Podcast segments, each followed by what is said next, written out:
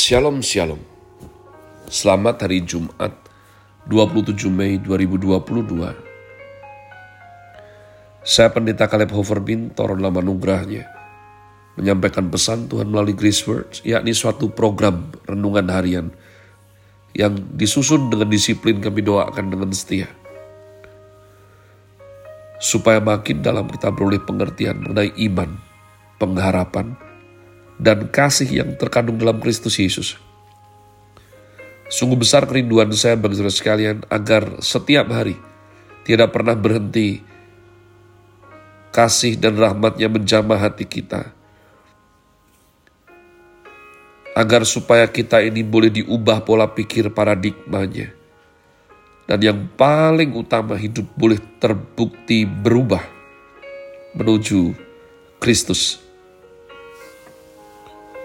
masih dalam season summer dengan tema bulan ini Obedience to the King. Chris Word hari ini memasuki yakni pembacaan kitab Yehezkiel. Yehezkiel Fatsal yang pertama. Mari bergegas kita membuka Yehezkiel Fatsal pertama. Nabi melihat kemuliaan Tuhan. Pada tahun ke-30 dalam bulan yang keempat, pada tanggal 5 bulan itu, Ketika aku bersama-sama dengan para buangan berada di tepi sungai Kebar, terbukalah langit dan aku melihat penglihatan-penglihatan tentang Allah. Pada tanggal lima bulan itu, yaitu tahun kelima sesudah Raja Yoyakin dibuang. Datanglah firman Tuhan kepada Imam Yehezkiel, anak Busi, di negeri orang Kasdim di tepi sungai Kebar. Dan di sana kekuasaan Tuhan meliputi dia.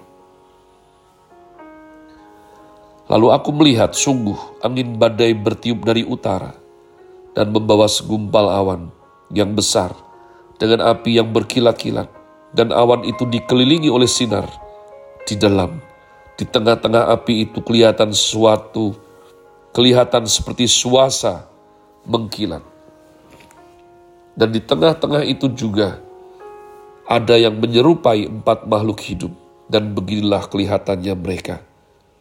Mereka menyerupai manusia, tetapi masing-masing mempunyai empat muka, dan pada masing-masing ada pula empat sayap. Kaki mereka adalah lurus, dan telapak kaki mereka seperti kuku anak lembu. Kaki-kaki ini mengkilap seperti tembaga yang baru digosok. Pada keempat sisi mereka di bawah sayap-sayapnya tampak tangan manusia. Mengenai muka dan sayap mereka berempat adalah begini. Mereka saling menyentuh dengan sayapnya. Mereka tidak berbalik kalau berjalan. Masing-masing berjalan lurus ke depan. Muka mereka kelihatan begini. Keempatnya mempunyai muka manusia di depan, muka singa di sebelah kanan, muka lembu di sebelah kiri, dan muka Raja Wali di belakang. Sayap-sayap mereka dikembangkan ke atas. Mereka saling menyentuh dengan sepasang sayapnya, dan sepasang sayap yang lain menutupi badan mereka. Masing-masing berjalan lurus ke depan, ke arah mana roh itu hendak pergi, ke sanalah mereka pergi. Mereka tidak berbalik kalau berjalan. Di tengah makhluk-makhluk hidup itu kelihatan seperti bara api yang menyala. Seperti suluh yang bergerak kian kemari di antara makhluk-makhluk hidup itu. Dan api itu bersinar sedang dari api itu kilat sabung menyambung.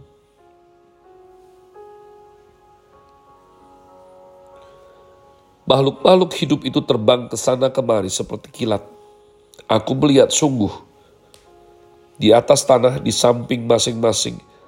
Dari keempat makhluk-makhluk hidup itu ada sebuah roda. Rupa roda-roda itu seperti kilauan permata pirus dan keempatnya adalah serupa. Buatannya seolah-olah roda yang satu di tengah-tengah yang lain. Kalau mereka berjalan, mereka dapat menuju keempat jurusan mereka tidak berbalik kalau berjalan. Mereka mempunyai lingkar dan aku melihat bahwa sekeliling lingkar yang empat itu penuh dengan mata. Kalau makhluk-makhluk hidup itu berjalan, roda-roda itu juga berjalan di samping mereka. Dan kalau makhluk-makhluk hidup itu terangkat dari atas tanah, roda-roda itu turut terangkat. Ke arah mana roh itu hendak pergi, ke sanalah mereka pergi dan roda-rodanya sama-sama terangkat dengan mereka. Sebab roh makhluk-makhluk hidup itu berada di dalam roda-rodanya. Kalau makhluk-makhluk hidup itu berjalan, roda-roda itu berjalan. Kalau mereka berhenti, roda-roda itu berhenti. Kalau mereka terangkat dari tanah, roda-roda itu sama-sama terangkat dengan mereka. Sebab roh makhluk-makhluk hidup itu berada di dalam roda-rodanya. Di atas kepala makhluk-makhluk hidup itu ada yang menyerupai cakrawala.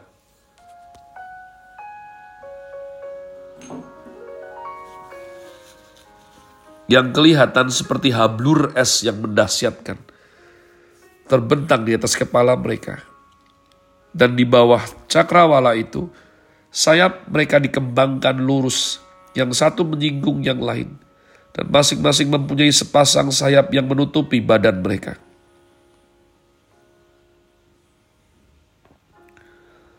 Kalau mereka berjalan, aku mendengar suara sayapnya seperti suara air terjun yang menderu. Seperti suara yang maha kuasa. Seperti keributan laskar yang besar. Kalau mereka berhenti, sayapnya dibiarkan terkulai maka kedengaranlah suara dari atas cakrawala yang ada di atas kepala mereka. Kalau mereka berhenti, sayapnya dibiarkan terkulai. Di atas cakrawala yang ada di atas kepala mereka, ada menyerupai tahta yang kelihatannya seperti permata lazurit. Dan di atas yang menyerupai tahta itu ada yang kelihatan seperti rupa manusia dari yang menyerupai pinggangnya sampai ke atas aku lihat seperti suasa mengkilat dan seperti api yang ditundungi sekelilingnya. Dan dari yang menyerupai pinggangnya sampai ke bawah aku lihat seperti api yang dikelilingi sinar. Seperti busur pelangi yang terlihat pada musim hujan di awan-awan. Demikianlah kelihatan sinar yang mengelilinginya Begitulah kelihatan gambar kemuliaan Tuhan. Tatkala aku melihatnya, aku sembah sujud, lalu ku dengar suara dia yang berfirman. Umat Tuhan, Yehezkiel adalah nabi yang dibangkitkan Tuhan di masa pembuangan Babel. LAI mencatat ya dalam pengantar full life Nebukadnezar membawa tawanan orang Yahudi dari Yerusalem ke Babel dalam tiga tahap. Tahun 605 sebelum Masehi, pemuda-pemuda Yahudi pilihan dibawa ke Babel, termasuk Daniel dan tiga sahabatnya. Tahun 597 sebelum Masehi, 10.000 tawanan dibawa ke Babel di antaranya Yeskiel. Dan terakhir tahun 586 sebelum Masehi, pasukan Nebukadnezar telah membinasakan kota dan bait sucinya. Lalu membawa sebagian besar yang tidak terbunuh ke Babel. Maka pelayanan Yeskiel sebagai nabi terjadi pada masa sejarah perjanjian lama yang paling gelap paling gelap umat Tuhan. Yeskiel sendiri artinya Allah yang menguatkan. Ya, sangat pantas di era yang paling gelap. Allah menguatkan. Berasal dari keluarga imam dan tinggal di Yerusalem sepanjang 25 tahun pertama hidupnya. Tentu dia sedang dalam pendidikan untuk menjadi imam di bait suci ketika dibawa ke Babel pada tahun 597 sebelum Masehi. Sekitar lima tahun kemudian, Yeskiel menerima panggilan sebagai nabi dan penugasan ilahinya. Setelah itu ia melayani dengan setia, sekurang-kurangnya 22 tahun umat Allah. Baik Yeskiel maupun Daniel, kita curiga merupakan rekan sejaman yang lebih muda daripada Yeremia dan sangat mungkin banyak dipengaruhi oleh Nabi Yerusalem yang lebih tua ini, yakni Yeremia. Pada saat Yeskiel tiba di Babel, Daniel sudah terkenal sebagai orang yang memiliki hikmat nubuat yang luar biasa. Yeskiel menyebutnya tiga kali dalam kitab Yeskiel. Berbeda dengan Daniel, Yeskiel mempunyai keluarga dan hidup sebagai warga biasa di antara para buangan Yahudi di tepi sungai Kebar. Saya berdoa umat Tuhan, supaya Anda mendapatkan sesuatu. Paling tidak percayalah di saat paling gelap, Tuhan tetap ada dan Tuhan menguatkan.